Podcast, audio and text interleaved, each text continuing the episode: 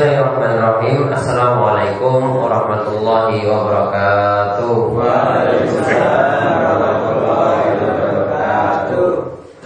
Alhamdulillahirabbil alamin Hamdan katsiran tayyiban mubarakan fi kama yuhibbu rabbuna wa yarda. Wa asyhadu an la ilaha illallah wahdahu la syarika Wa asyhadu anna Muhammadan abduhu wa rasuluh. Allahumma salli ala nabiyyina wa sayyidina Muhammad ihsanin ila yaumiddin. Alhamdulillah para jamaah sekalian kita memuji Allah bersyukur kepada Allah atas nikmat yang begitu banyak telah Allah anugerahkan kepada kita sekalian sehingga pada kesempatan subuh yang berbahagia ini Selepas kita melaksanakan sholat subuh secara berjamaah Ya kita kembali berkumpul di rumah Allah Untuk mendengarkan firman-firman Allah subhanahu wa ta'ala. Begitu juga untuk mendengarkan berbagai macam hadis Yang diucapkan oleh baginda Nabi Sallallahu Alaihi Wasallam. Dan pada kesempatan kali ini kita seperti biasa akan mengkaji tentang dosa-dosa besar yaitu dari kitab Al-Kabair karya Ibnu Hajar al Asqalani eh, karya Imam Zahabi rahimahullah.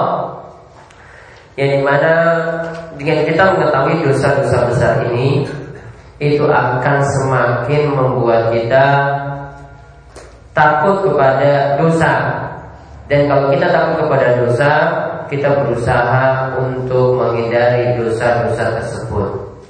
Dan mudah-mudahan Allah memberikan kita taufik untuk terus menambah ilmu, untuk terus beramal soleh yang sesuai dengan tuntunan baginda Nabi dan mudah-mudahan kita terus beri istiqomahan dan juga diberi keberkahan umur oleh Allah Subhanahu wa taala.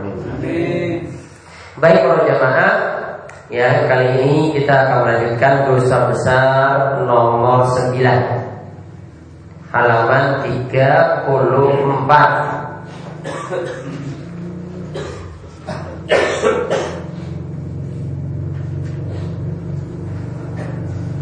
Yang dikaji di sini adalah dusta atas nama Nabi. Jadi berdusta atas nama Nabi Shallallahu Alaihi Wasallam. Para jamaah sekalian, kok bisa ada yang tega berdusta atas nama Nabi? Ya, kok bisa ada yang tega berdusta atas nama Nabi? Padahal ini adalah nabinya yang mulia. Namun dia berbohong atas nama nabinya tersebut dengan membawakan hadis-hadis dengan dia mengatakan Nabi Shallallahu Alaihi Wasallam bersabda demikian dan demikian. Nabi SAW mengamalkan amalan ini dan itu. Nabi SAW memerintahkan kepada kita untuk melakukan ini dan itu. Kok bisa ada yang berdusta atas Nabi nama Nabi SAW seperti itu? Sebelum nanti kita masuk apa akibat atau hukuman bagi orang yang berdusta atas nama Nabi. Di sini ada beberapa sebabnya. Misalnya ada yang punya keinginan baik supaya orang itu banyak beramal. Ya, ada yang punya keinginan baik supaya orang itu banyak beramal. Maka dia buat hadis-hadis palsu. Misalnya berisi, ini loh kalau kamu baca surat ini ganjarannya seperti ini. Ini loh kalau kamu melaksanakan sholat malam, ganjarannya seperti ini. Jadi ada orang yang buat hadis palsu yang bukan berasal dari Nabi, dia gawe-gawe sendiri, buat-buat sendiri. Tujuannya adalah supaya orang itu banyak ibadah. Ya di antara tujuannya adalah supaya orang itu banyak ibadah.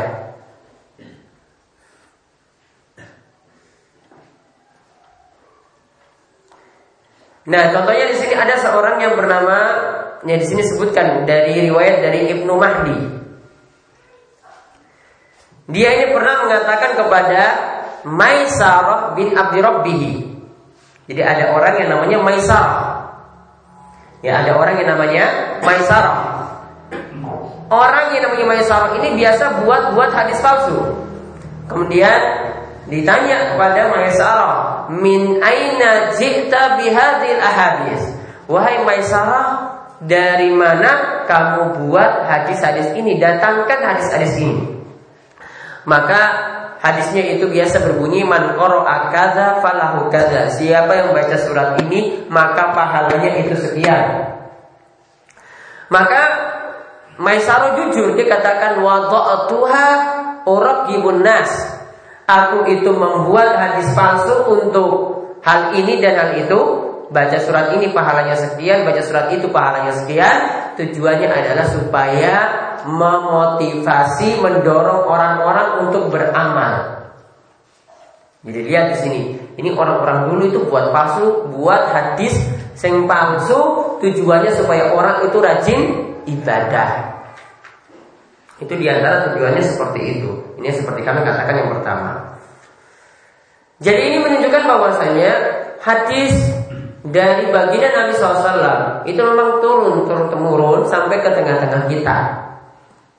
Namun ada yang diklaim atau disebut sebagai hadis, namun orang lain yang buat.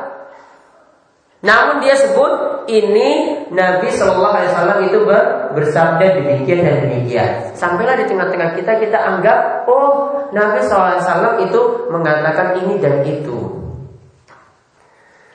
Jadi intinya di sini Islam itu mengajarkan kepada kita suatu amalan yang punya rantai cerita dari yang kita dengar sampai ujungnya itu Nabi Shallallahu Alaihi Wasallam.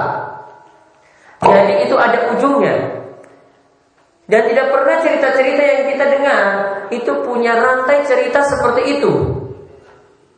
Coba kalau kita uh, dengar dulu ada cerita dongeng. Ada dongeng maling kundang. Ada dongeng tangkuban perahu. Ada yang pernah tahu cerita ini ujungnya itu sampai siapa yang buat? Ada yang pernah tahu?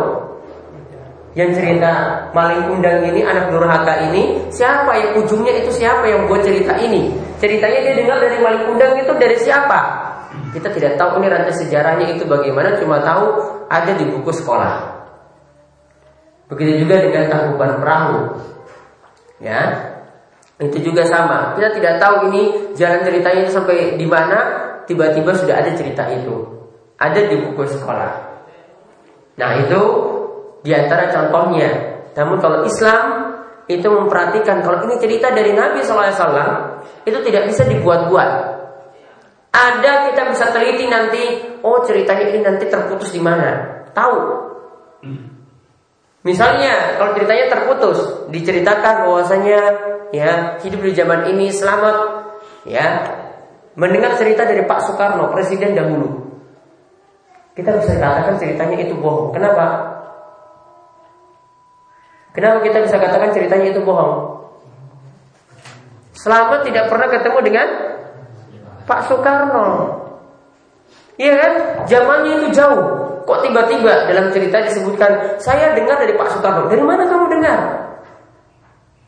Serantainya terputus. Namun kalau misalnya dia katakan saya dengar cerita ini Selamat ini cerita, dengar cerita ini dari Badri. Badri dengar cerita ini dari sini. Antara Selamat dan Badri ketemu nggak? Ketemu. Kita bisa katakan ceritanya itu bersambung.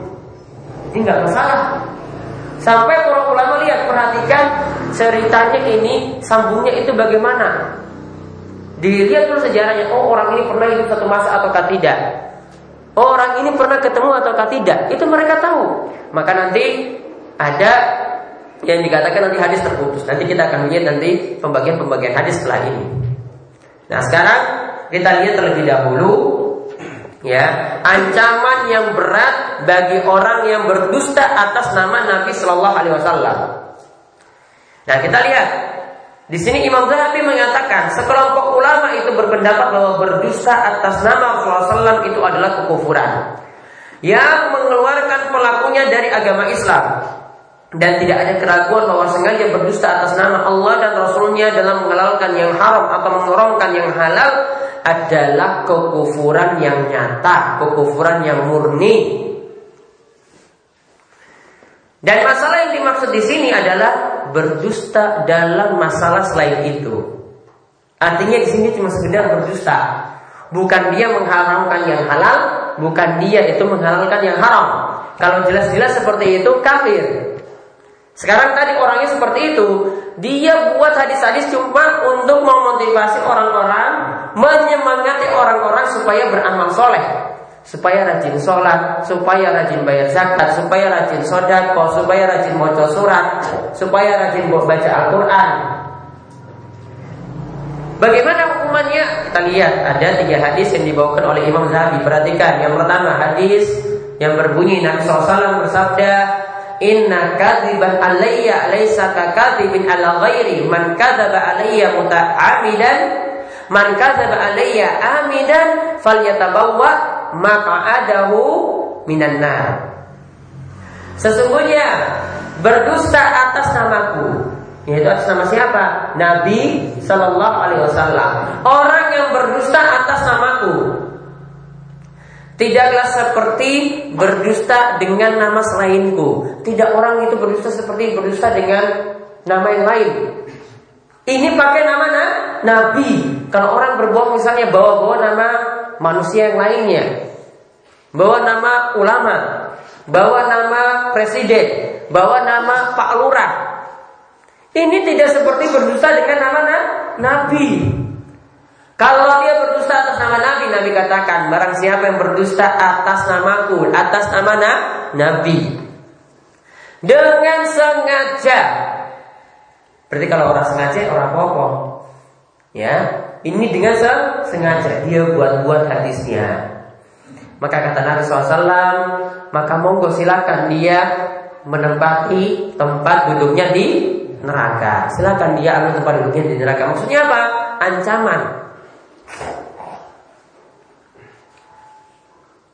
Ancaman bahwasanya orang yang melakukan seperti itu ancamannya itu berat kalau diancam neraka seperti itu, kok kamu ambil tempat dudukmu di neraka silakan. Berarti ini adalah dosa besar. Hadis yang kedua, yutba'ul mu'minu ala kulli syai'in illa al-khiyanah wal kadhiba. Imam Zahabi juga membawakan hadis orang mukmin itu diciptakan dengan tabiat-tabiat yang baik. Orang mukmin itu punya watak, karakter, penampilan yang baik. Nah, yang tidak pantas ada pada dirinya apa? Kecuali tabiat suka berkhianat dan berdusta.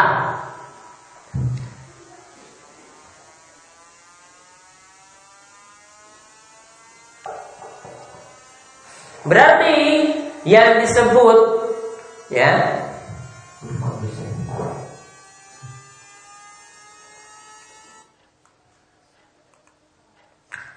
Berarti yang disebut mukminnya itu bermasalah itu adalah jika dia suka berkhianat diberi amanah kok dia berkhianat dan dia juga ketika berkata itu selalu ber, berdusta. Apalagi dustanya itu atas nama Nabi Shallallahu Alaihi Wasallam.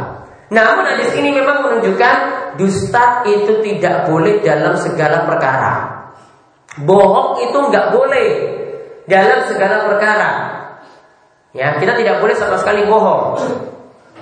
Ya, dan di sini apalagi berdusta atas nama seorang nabi. Kemudian Hadis yang terakhir yang beliau bawakan, "Man rawa anni hadisan wa huwa yura annahu kadzibun fa huwa ahadul kadzibain." Barang siapa yang meriwayatkan suatu hadis dariku Barang siapa yang meriwayatkan suatu hadis dari Nabi SAW Sedangkan dia menduga bahwa itu adalah dusta Wah dia sudah sangka bahwasanya ini adalah dusta Bohong maka kalau dia sudah punya perasaan seperti itu, maka dia itu adalah seorang pendusta dari dua orang yang berdusta. Karena meriwayatkan hadis tersebut. Maka hadis yang terakhir ini menunjukkan tidak boleh kita bawa cerita hadis-hadis yang palsu ini kepada orang lain. Kalau ada hadis yang palsu, maka tidak boleh kita bawa cerita ini. Eh, ini ada cerita loh seperti ini dalam hadis.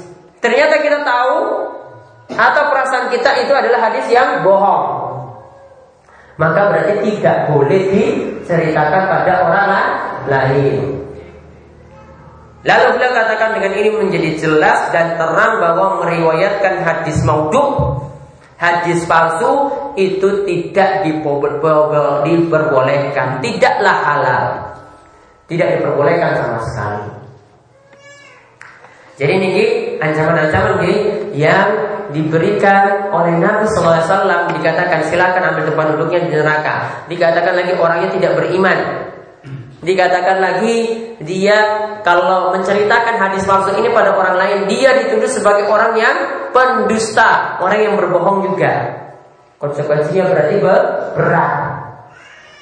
Jadi kita tidak bisa buat sembarang cerita. Nah sekarang untuk mengetahui mana hadis palsu, nah ini saya akan ceritakan terlebih dahulu pembagian para ulama ada hadis yang sahih, ada hadis yang doif hadis yang lemah. Ini biar para jamaah itu tahu. Dan Islam ini berarti mengajarkan kita itu terima berita-berita yang sahih saja. Dari hadis-hadis yang kita baca tadi, berarti kita cuma bisa menerima, mengamalkan, meyakini hadis-hadis yang sahih. Tidak boleh yang palsu, tidak boleh yang doif dan seterusnya. Nah sekarang kita lihat istilah kok para ulama sebut ada hadis yang sahih. Kalau yang bawa catatan bisa dicatat.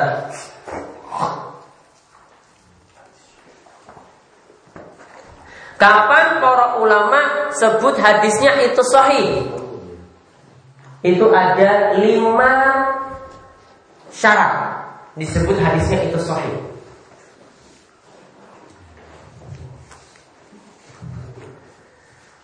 Ada lima syarat.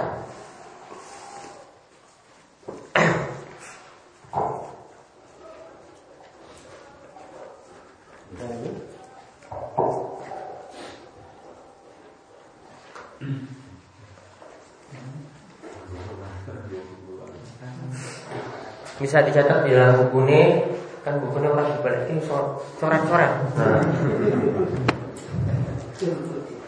Lima syarat yang pertama rantai sanatnya bersambung. Yang pertama, rantai sanatnya bersambung.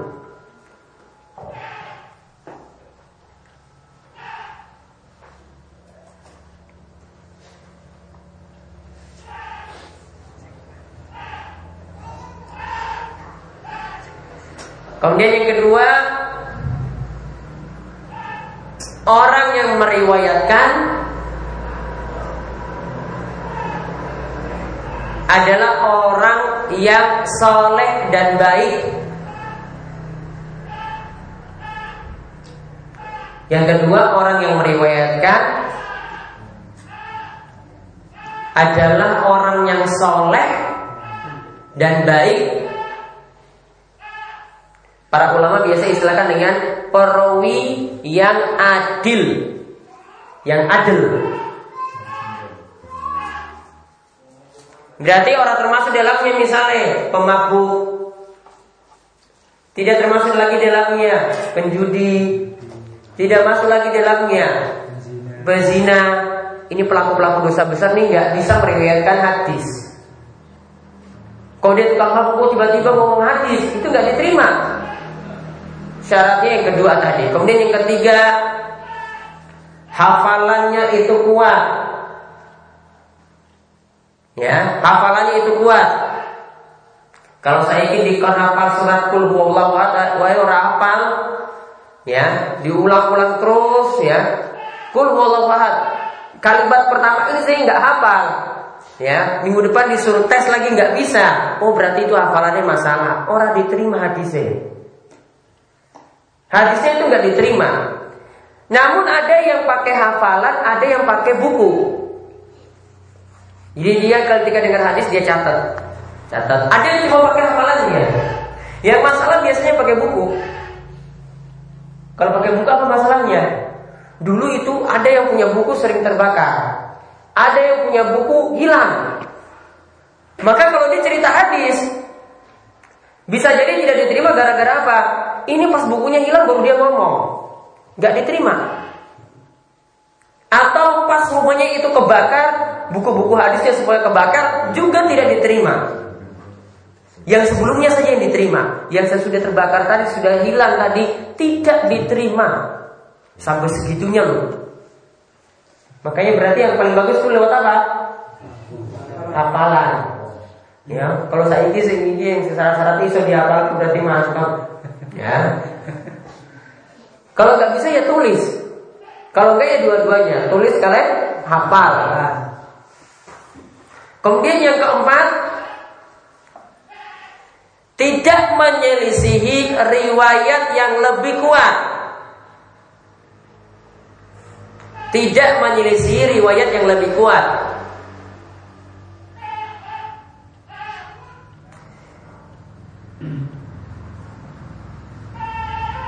Nah, di sini misalnya saya beri contoh. Ketika tahiyat, nih, tahiyat kita kan berisyarat dengan jari. Ada bapak-bapak yang ngangkatnya pas kalimat asyhadu an la ilaha illallah beri jari telunjuk kan? Iya toh? Ada mungkin yang dari awal. Ya. Namun ada yang gerak-gerakan naik turun. Pernah lihat? Pernah. Ini dia orang main-main loh, ini tenanan. Ya dia ini naik turun seperti dia bukan main-main, bukan muter-muter gini, bukan. Ya, ada kan? Pernah lihat? Ya, pernah lihat ya, Pak Parman? Nah, nah. Ini menurut sebagian ulama, bahkan mayoritas ulama itu katakan hadisnya lemah. Karena riwayat yang mengatakan bergerak-gerak naik turun seperti ini menyelisih riwayat yang lain yang banyak yang lebih kuat. Jadi cuma satu orang saja cerita seperti ini. Naik turun. Yang lain-lain dan ini juga hafalannya itu bagus, tidak menyebutkan naik turun. Maka riwayat yang dia cuma bersendirian ini ditolak gara-gara ini ada orang-orang yang lain yang banyak dengar dari Nabi. Ini kok nggak gerak-gerakan? Ya, ini nggak gerak-gerakan. Coba kalau misalnya kita ngomong di sini, gih, ini semuanya lihat kejadian itu kan, mobil ini ya tabrakan kalau motor. Ya, ada satu orang bilang mobil dengan mobil tabrakan. Ini 10 orang yang bilang loh. Cuma satu yang bilang itu mobil dengan mobil yang tabrakan, bukan mobil dengan motor. Mana yang kita terima? Yang banyak apa yang sedikit? Yang banyak. Maka yang sedikit tadi ditolak. Walaupun kamu itu orang yang jujur, boleh jadi kamu itu salah lihat. Ya kan? Boleh jadi kamu salah lihat. Nah, itu sampai segitunya itu para ulama itu teliti. Wah ini kan yang banyak yang membicarakan. Kok kamu sendirian? Berarti kamu yang masalah Itu yang syarat keempat maksudnya. Jadi berarti tadi Jarinya berarti diapain nanti? Diam saja. Nih, Karena hadis yang tadi itu lemah. Ya, Ini seperti yang dipraktekkan di masyarakat kita. Jadi kalau ada yang gerakan tadi ya mungkin dia mengamalkan hadis yang tadi Namun dia menyelisih riwayat yang lebih kuat Kemudian yang kelima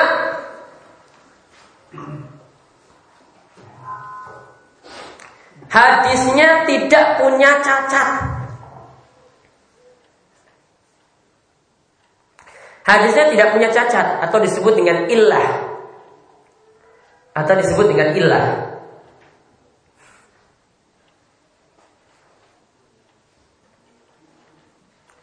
Nah sekarang kita ulang coba Yang pertama tadi Rantainya bersambung Jadi kata bersambungnya Kemudian yang kedua Yang menyampaikan itu orang yang soleh dan baik. Bisa ditambahkan yang jujur. Kemudian yang ketiga, Hah? Yang ketiga, hafalannya itu kuat. Yang keempat, tidak menyelisih riwayat yang lebih kuat. yang kelima, tidak punya cacat. Kalau hadis memenuhi lima ini, itu yang kita biasa dengar hadisnya sahih. Hadisnya itu sahih, bisa kita amalkan. Nah ini paling mudah kita temukan dalam kitab Bukhari Muslim. Jadi kalau ada hadis ujung-ujungnya hadis riwayat Bukhari, HR Bukhari. Bukhari itu bukan nama ini nama siapa saja bukan nama buku, nama orang. Imam Bukhari itu meneliti hadis, dia kumpulkan dalam kitab sahihnya, maka disebut Sahih Bukhari. Hadis riwayat Bukhari hadis berarti dari kitabnya Imam Bukhari.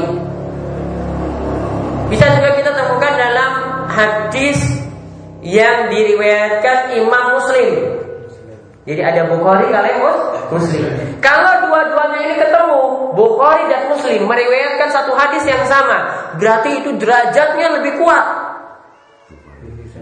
Bukhari Muslim, ini berarti bukan sahih saja ini, sahih sangat-sangat sahih. Nah itu hadisnya yang kita kaji dalam kitab Umdatul Ahkam. Setiap malam kemis itu hadisnya itu benar-benar sahih yang di situ.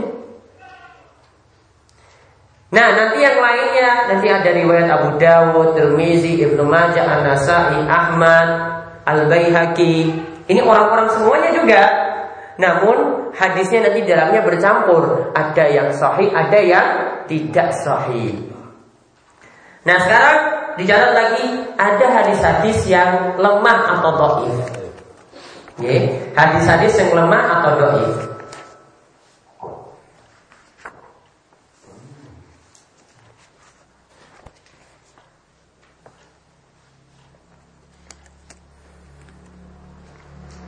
Hadis itu ada tiga sebab. Hadis lemah itu ada tiga sebab.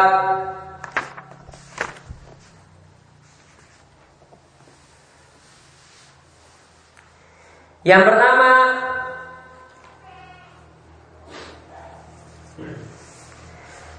Hadis tersebut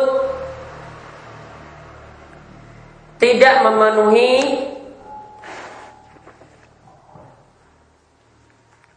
syarat hadis sahih dan hasan.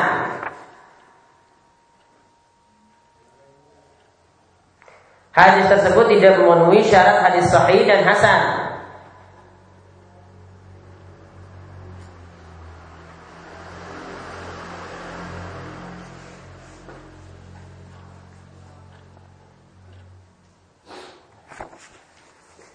Yang Hasan nanti pertengahan nanti saya jelaskan kalau Hasan itu pertengahan antara Sahih dan lemah, Sahih dan Doif. Yang kedua sebab yang kedua rantai sanatnya terputus.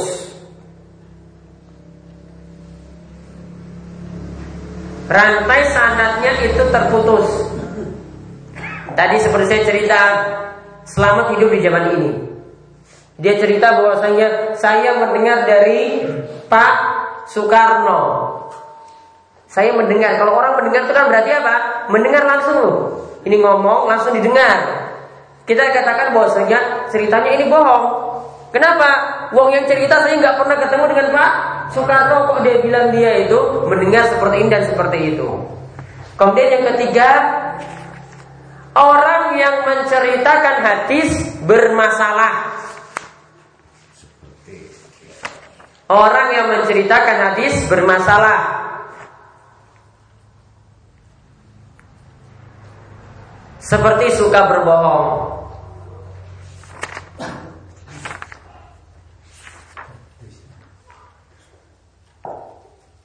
Suka lupa Suka berbohong, suka lupa. Atau dituduh pembohong. Cuma dituduh saja ini loh.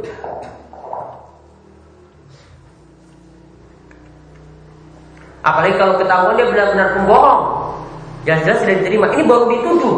Baru dituduh saja tidak boleh terima hadisnya. Nah itulah mengapa dari tiga sebab ini ada hadis-hadis yang doif. Kok bisa? Ini ada. Ya itu tadi ada berbagai macam cerita. Ada yang mungkin memang dasar pembohong dia buat-buat hadis yang untuk menyemangati manusia. Ada yang ya memang yang meriwayatkannya di sini hafalannya itu tidak kuat. Kadang lemah hafalannya, jadi dia sampaikan tidak sempurna. Kadang mungkin ikut pengajian juga, ikut pengajian gitu, sukanya tidur. Jadi dia terpotong hadisnya. Nabi SAW sebutkan kalih rokaat, dia dengarnya, oh ini perasaan empat rakaat ini. Oh saya ngomong saja empat rakaat. Diterima atau tidak? Tidak. Tidak. Ketahuan dia. Ini sampai ulama itu tahu seperti itu. Ini mana orang yang biasa dinyimak terus. Ini biasa siapa yang suka tidur. Ini biasa siapa yang absen. Dengar dari gurunya. Kalau pas pengajian itu dia nggak datang, kok dia riwayatkan hadis? Nah ini bisa jadi masalah. Namun bisa jadi juga dia dengar dari yang lain. Namun kan tidak langsung. Nah itu nanti yang membuat hadis-hadis itu bermasalah. Nah sekarang saya contohkan hadis-hadis yang bermasalah. Ya saya contohkan hadis-hadis yang bermasalah. Misalnya hadis. Kita barangkali pernah dengar tuntutlah ilmu sampai ke negeri Cina. Di situ dikatakan dalam hadisnya utlubul ilma walau fisin. Tuntutlah ilmu walaupun sampai ke negeri Cina. Kita tidak bahas ini maknanya benar ataukah tidak. Namun yang kita bahas di sini apakah ini ceritanya ini sampai Nabi? Ya, ini kita bahas apakah ceritanya ini sampai Nabi ataukah mungkin terputus. Maka para ulama ternyata meneliti hadis ini punya banyak jalan. Ternyata semua jalannya itu lemah. Ya semua jalannya itulah lemah. Jadi mereka simpulkan seperti yang disimpulkan oleh Imam Zahabi. Ya. Kalau beliau Imam Zahabi itu mengatakan sebagian riwayat hadis ini itu lemah wahiyah dan sebagiannya lagi itu baik atau soleh. Namun yang lainnya itu mengatakan bahwasanya hadis ini adalah hadis yang bermasalah kalau dikumpulkan berbagai macam jalan itu tidak bisa sampai derajat hasan ataupun sampai derajat sahih tidak bisa. Berarti perkataan utlubul ilma walau fisin tuntutlah ilmu walaupun sampai ke negeri Cina bukan dari Nabi. Taruhlah perkataannya benar ya. Taruhlah perkataannya itu benar. Tidak boleh kita katakan ini Nabi SAW bersabda. Cukup kita katakan, oh ini kata orang-orang, tuntutlah ilmu sampai ke negeri Cina. Itu nggak masalah. Namun kalau dia bawa nama Nabi, nggak boleh. Dia katakan Nabi bersabda, nggak boleh. Karena ceritanya itu tidak sampai na Nabi. Kalau ceritanya sampai Nabi baru boleh. Ini ceritanya saya tidak sampai Nabi. Terputus, maka dia cuma boleh katakan apa? Ini ada orang-orang yang katakan apa wong soleh mengatakan bahwasanya tuntutlah ilmu walaupun sampai ke negeri Cina. Maksudnya ke mana pun kamu itu carilah ilmu. Kalau seperti ini dikatakan tidak bawa nama Nabi selamat. Kalau dia bawa nama Nabi, wah itu nanti masuk ke dalam hadis-hadis tadi berdusta atas nama Nabi. Nabi nggak katakan kok. Kok dia katakan itu Nabi SAW itu bersabda. Contoh lagi,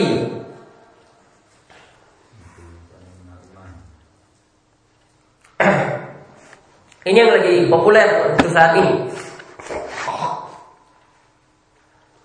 Yaitu tentang masalah mengazani bayi yang baru lahir. Oke, mengazani bayi yang baru lahir. Sebagian kita mungkin mengamalkan hadis-hadis yang ada dan hadis-hadisnya memang ada. Seperti misalnya hadis yang mengatakan di sini ada hadis dari Ubaidillah bin Abi Rafi dari ayahnya Abu Rafi dan dia berkata, aku telah melihat Rasulullah SAW azana fi uzunil Hasan bin Ali hina waladathu Fatimah bisalah. Aku telah melihat Rasulullah SAW itu mengumandangkan azan di telinga Hasan bin Ali, cucu beliau berarti. Ketika Fatimah itu melahirkan anaknya tadi, dan itu diazankan seperti azan untuk sholat. Cara azannya gimana berarti? Ujiannya orang teriak-teriak. Ya tuh orang bunga-bunga loh. Cukup apa? Diri. Bunga-bunga hancur anaknya nanti telinga gendang telinga Nah hadis ini dikatakan riwayat Ahmad, Abu Dawud, Tirmizi. Ada juga hadis yang mengatakan dari Al Husain bin Ali Rasulullah SAW itu bersabda, Man wulida lahu mauludun fa azana fi uznihi al-yumna wa qama shalah fi uznihi al-yusra lam tadurrahu umusibyan. Di sini dikatakan bahwasanya barang siapa ya atau setiap bayi yang baru lahir Lalu diazankan di telinga kanannya, diikomahkan di telinga kirinya. Maka nanti umusibian yaitu jin perempuan atau setan perempuan itu tidak akan mengganggunya. Hadis ini tidak dikatakan riwayat Abu Ya'la dalam musnadnya dan juga Ibnu Sunni dalam Al-Yawm Begitu juga ada hadis yang ketiga Ya, bahwasanya disebutkan Nabi SAW itu pernah mengazankan di telinga Hasan bin Ali pada hari beliau itu dilahirkan. Maka beliau itu azan di telinga kanan dan iqamah di telinga kiri. Tentang hadis-hadis ini, Imam Termizi itu masih mengatakan hadis ini bisa diterima.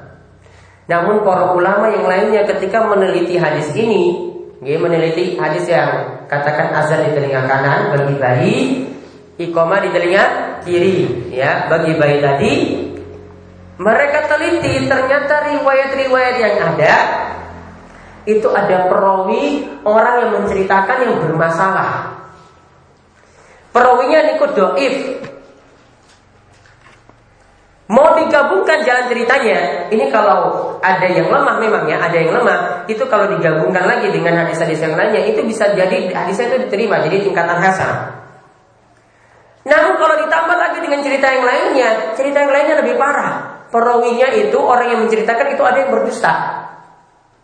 Lebih parah. Kalau orang yang berdusta, kemudian ada cerita yang lemah, mau ditambah lagi nggak bisa angkat derajatnya itu nggak bisa. Cerita ini nggak bisa tinggi lagi. Maka para ulama simpulkan, ya, dan ini yang nanti jadi pendapat dari Imam Malik, bahwasanya hadisnya itu lemah. Sehingga apa kesimpulannya? Tidak ada tuntunan azan kalian iqamah. Namun mayoritas ulama, Imam Syafi'i, Imam Ahmad, Abu Hanifah itu masih membolehkan hal itu. Bapak sendiri amalkan itu pun buat azan, buat iqamah? Buatan langsung saja punya anak dua putu langsung. Hah? Enggak orang didongak ke atau pi?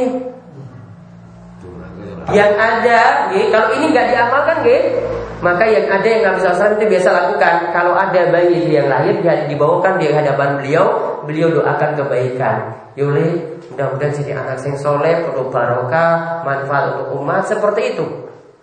Lalu diambilkan kurma. Dikasih Ora sak bijinya lho ora. Dikunyah. Ya. Terus diambil sitik aja ya diletakkan di langit-langit mulut. Langit-langit temak. Ini namanya tahnik. Itu diistilahkan dengan tah tahnik. Ini jadi makanan yang pertama. Ya, ini jadi makanan yang pertama bagi bayi tersebut. Ya, ini jadi makanan yang pertama bagi bayi tersebut. Ini juga dibolehkan. Ini ada tuntunannya. Baru nanti pada hari ketujuh itu ada apa? Akiko. Akiko itu dengan apa? Sembelih kambing. Laki-laki dua ekor, perempuan satu ekor. Kalau misalnya dua anak lanang, laki-laki nggak bisa dua ekor gimana? Saran saya tuku sing wedok. Ya toh bisa dapat dua. Atau kalau yang wedok saja nggak mampu, ya sudah beli satu ya itu juga masih dibolehkan. Kalau tidak bisa lagi, akikah niku hukumnya sunnah. Kalau tidak mampu lakukan orang masalah. Orang dikatakan berdo, berdosa. Namun para ulama katakan kalau nanti mampu, hendaklah anaknya itu di akikohi. Ya, hendaklah anaknya tetap diakikohi. Namun kalau kita sendiri tidak perlu mengakikohi diri kita sendiri. Karena ini jadi tanggung jawab orang tua. Tua kita yang punya tanggungan. Anak itu nggak perlu nggak perlu akikohi diri sendiri. Yang ada itu orang tuanya yang akikohi. Ya, kalau harus gede terus belum diakikohi nggak perlu. Dan Nabi SAW uh, eh, juga tidak pernah mengakikohi dirinya sendiri. Hadis yang membicarakannya hadis yang lemah. Kalau ada hadis yang mengatakan Nabi SAW itu mengakikohi dirinya sendiri, hadisnya doif. Nah kesimpulannya kita tadi ya lihat beberapa hadis di antaranya tadi dua hadis hadis yang mengatakan e, tuntutlah ilmu sampai ke negeri Cina. Kesimpulannya apa? Doif. Kemudian hadis tadi azan kali ikoma di telinga bayi itu juga hadisnya lah, lemah. Maka cukup tadi lakukan amalan-amalan saja yang lainnya begitu banyak. Tadi seperti doakan si bayi, kemudian berikan ya apa hasil kunyahan kurma, ya baru hari ketujuh nanti diakikohi. Memberi nama itu bisa pada hari pertama dan maksimal itu hari ketujuh. Setelah hari ketujuh belum punya nama itu nggak boleh. Masa lahir no name, nggak punya nama, nggak mungkin kan? Harus punya nama pada hari ketujuh itu harus sudah punya nama. Lalu diumumkan pada hari ke ketujuh ini anaknya namanya Niko, Niki dan Niki. Ya, itu saja yang kita bahas untuk pertemuan kali ini. Insya Allah nanti pertemuan berikutnya saya beri contoh lagi untuk hadis-hadis lemah yang lainnya. Wonten pertanyaan?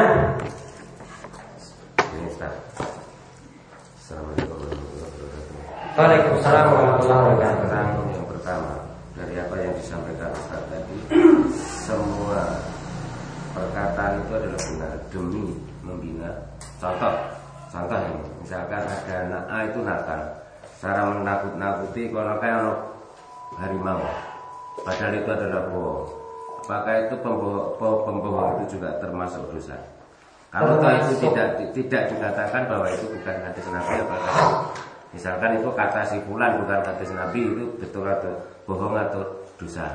Asalnya berbohong walaupun tujuannya untuk nakut-nakuti nggak boleh. Orang tua bilang misalnya hati-hati lu ya. Nanti ada serigala. Tempat sore itu serigala itu biasanya orang yang gini lu. Nah, bohong ini tidak dibolehkan walaupun tujuannya itu baik. Ini juga nanti masalahnya nanti anak akan diajarkan berbohong, nanti besar juga sama seperti itu. Nanti dia bilang sama. Dulu bapak bilang seperti itu loh. Maka kalau dia keluyuran kemudian bapaknya tanya, wes kamu di Ya, dia bilang nanti, ya saya ini dari jalan-jalan Pak Sinal aku, aku di Sinal tenan loh, tenan, jugurun. Ya, kalau dikatakan Bapaknya katakan kamu tuh bohong. Ah, Bapak dulu kecil saya juga dibohongi seperti itu Terus tahu aku. Ya aku nangis. Bapak bohong membelikan es krim. Ternyata orang itu gak ada es krim. Iya resiko Jadi jangan dipro, jangan protes loh Kalau anak nanti besar Biasanya nggak pusing Ya mungkin karena sejak kecil Sudah diajar bohong seperti itu Bapak diajari pintar bohong Ya makasih. Pokoknya nggak boleh. Ya ada lagi? Ya Pak Kasih. Biasanya di kita ada dilewatkan empat sunan. Empat sunan itu siapa saja yang termasuk dalam? Nggih, biasanya yang disebut sunan itu bukan sunan sunan ini nggih, sunan sunan kapel bukan. Abu Dawud, Tirmizi, Ibnu Majah, An-Nasai. Ini yang disebut empat sunan. Empat penulis kitab sunan Karena kitab-kitab mereka itu disebut dengan Sunan Abu Dawud Sunan Ibnu Majah Sunan An-Nasai Kecuali Tirmizi ini menyebut kitabnya dengan Jami At-Tirmizi Namun para ulama tetap menyebutnya juga dengan Sunan Jadi ini ada empat seperti itu Keterangannya itu ada di kitab Bulughul Maram Imam uh, Ibnu Hajar itu biasa membawakan diriwayatkan oleh yang empat maka kita harus tahu empat itu apa? Empat itu tadi Ibnu Majah, Tirmidzi, An-Nasai, Abu Dawud. Ya, ini empat ini yang biasa disebut itu. Kalau disebut Musnad Imam Ahmad, maksudnya Imam Ahmad punya kitab Musnad. Kalau kitab Musnad itu susunannya ada nama sahabat Abu Hurairah, hadisnya apa saja disebutkan berdasarkan nama sahabat. Kalau kitab Sunan itu susunannya berdasarkan pelajaran fikih. Kalau kitab Sahih Bukhari Muslim itu ada akidah di situ, ada fikih di situ, ada tentang kenabian di situ, ada tafsir juga di situ, lebih lengkap. Ya, lebih lengkap kalau Sahih Bukhari dan Muslim. Kalau sunat itu cuma masalah fikih saja mulai bersuci, wudhu, tayamum, sholat dan seterusnya. Ya, itu biasanya disebutkan dalam kitab sunat. Ada lagi? tadi tentang akikoh saking tresna yang simbah baik hmm. terhadap cucu ya. itu bisa nggak mengakui cucunya boleh sebagaimana Nabi pernah mengakikohi Hasan kalian Husain ya boleh Ya, apalagi bah simbahnya cuma kasih hadiah. Ini hadiah untuk putuku, bapaknya nanti kon atikoi anaknya. Boleh juga seperti itu. Jadi orang masalah. Ya. Sudah, sampun ya? Ya sampun. Nanti minggu depan Uh, belum tentu ada pelajaran yang minggu depan belum tentu ada pelajaran nanti kula SMS ya tapi untuk malam kemis Insya Allah ada seperti biasa ya. nanti kula SMS untuk ada pelajaran atau ketiga untuk malam apa untuk minggu paginya ya karena boleh jadi saya capek karena hari Sabtunya itu baru uh, pulang dari Surabaya jadi nanti saya beritahu kondisi saya fit atau tidak kalau fit yang berarti tetap ada. Ini kemauan kita cukupkan sekian. Kita tutup kalian doa kepada majelis subhanallah wa bihamdika asyhadu an la ilaha illa anta astaghfiruka wa atubu ilaik. Assalamualaikum warahmatullahi wabarakatuh. Waalaikumsalam